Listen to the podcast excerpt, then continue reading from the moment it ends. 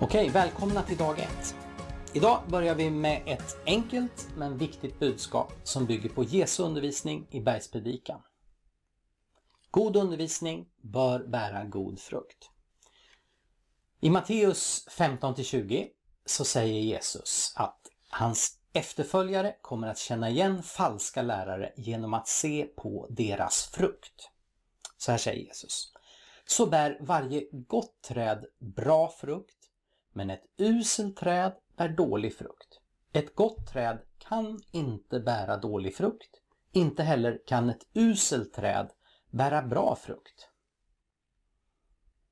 Den här principen har relevans både för de som undervisar och de läror som förkunnas. Kyrkans undervisning som fördömer samkönade relationer och transpersoner har orsakat djupa skador i hbtq-personers liv. Det är uppenbart att det innebär ett stort trauma om man som ung hbtq-person, speciellt uppvuxen i en nära församlingsgemenskap, inte blir välkomnad eller inte längre får vara en del av gemenskapen på samma sätt som tidigare på grund av sin sexualitet eller identitet. Här kan det vara en hjälp för att se hur detta är på riktigt om vi tittar på lite utredningar som presenteras av svenska myndigheter kring situationen för hbtq-personer i Sverige. Så här skrivs det i utredningar. Andelen som anger att de har nedsatt psykiskt välbefinnande är dubbelt så stor bland homo och bisexuella personer jämfört med heterosexuella. Och hos transpersoner tenderar det att vara ytterligare nedsatt psykiskt välbefinnande. De skriver också att unga hbtq-personer generellt mår sämre än unga heterosexuella och cis-personer. Att någon gång ha övervägt att ta sitt liv är dubbelt så vanligt bland homo och bisexuella personer jämfört med heterosexuella. Hälften av de som identifierar sig som transpersoner har någon gång övervägt att ta sitt eget liv. Och cirka 20% har försökt att ta sitt liv. Och det här ska jämföras med genomsnittet för befolkningen är 5%. 25% av unga homo och bisexuella kvinnor uppger att de har försökt begå självmord jämfört med 8% av heterosexuella kvinnor i samma ålder. HBT-personer är betydligt mer utsatta för våld och hot om våld än heterosexuella och cis-personer. Kränkande bemötande, trakasserier, diskriminering, hot om våld och våld. Det är de troligaste orsakerna till den psykiska ohälsan bland homo, bisexuella och transpersoner. Så följderna av att hbt-personer utsätts för olika former av kränkningar och våld i sin vardag. Det leder således till en högre ohälsotal i den här gruppen.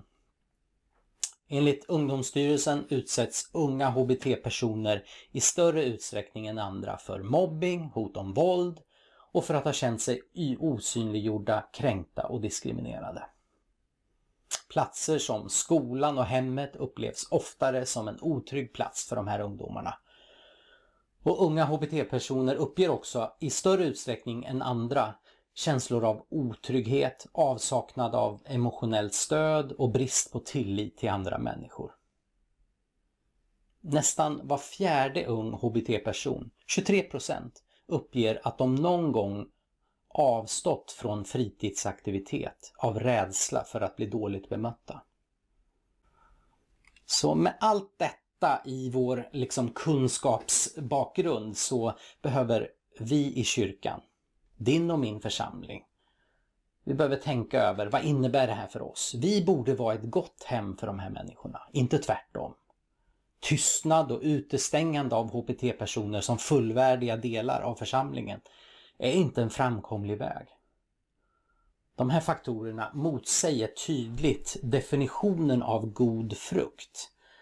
Galaterbrevet 5, 22, 23 säger Andens frukt är kärlek, glädje, frid, tålamod, vänlighet, godhet, trofasthet, ödmjukhet och självbehärskning. För oss kristna kan vår erfarenhet aldrig utgöra vår enda auktoritet när det gäller att fastställa vår tro och lära. Men erfarenheten och kunskapen kan leda oss tillbaka till Bibeln för att titta närmare på hur vi har tolkat den och vad det är som kan vara fel. Med tanke på all den här dåliga frukten som kyrkans och samhällets avvisande av samkönade relationer och transpersoner har orsakat måste vi fråga oss, är detta god frukt? Kan detta komma ifrån ett gott träd? Tack för mig idag. Vi ses imorgon.